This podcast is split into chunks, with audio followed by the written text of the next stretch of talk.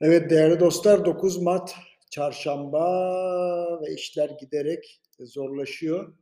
Zorlaşırken de ilginçtir son iki aydır Türkiye'de mukim olan yabancı markalarla ve diplomatik temsilcilerle toplantı yapıyorum.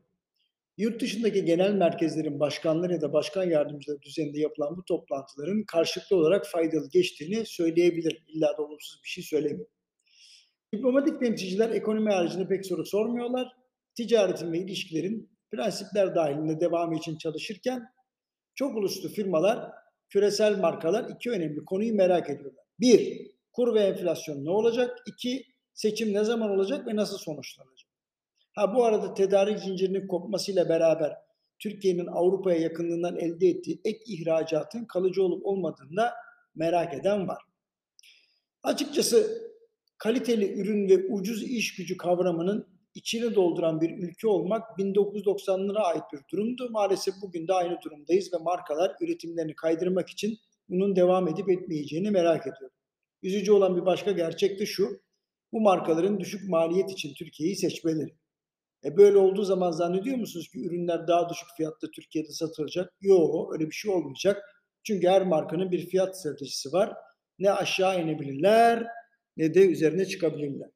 Dünyanın tüm markaları ve firmaları ne kadar kendi piyasalarına hakim olurlarsa olsunlar rakiplere göre fiyatlarını belirleyerek yola devam ediyorlar. Bu sebeple uçtan uca tüm süreçlerin dahil edildiği bir planlama ile yola devam etmekteler.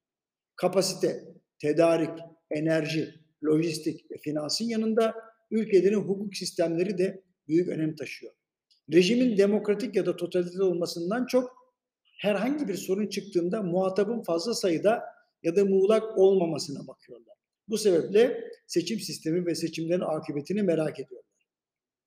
Küresel markaların hassas olan e, noktaları var tabii. O şöyle diyeyim size çocuk işçi çalıştırmama, işte çevreye duyarlılık, rüşvet suistimale e, karışmama vesaire diyebilirim. Şimdi mali konuların yanında elbette bu konular da çok öne çıkıyor. Hatta daha da fazla çıkıyor diyebilirim. Küre, küresel markalar olumsuz bir haberle borsalarda çok sert şekilde değer kaybettikleri ve üst düzey yöneticileri istifa etmek zorunda kaldıkları için öyle işlere karışmamak amacıyla özel departmanlar bile oluşturmuş durumdalar diyebilirim. Bu departmanlar sosyal medya üzerinden de küresel olarak gelişmeleri yakından takip ediyorlar. Özetle zor zamanlardan geçerken markaların maliyet odaklı olarak Türkiye'yi incelemeye aldıkları ancak seçim senaryoları konusunda tereddütlü oldukları, tereddüt içinde oldukları, enflasyon ve kur artışlarının da onları endişeye sevk ettiği anlaşılıyor. Yine de vazgeçmiyorlar Türkiye'den. Bunu da görmezden gelemeyiz. Bu kötü günlerde en azından olumlu bir şey söyleyelim dedim efendim. Ee, 9 Mart çarşamba 2022'den size iyi günler. Yarın 10 Mart'ta görüşmek üzere.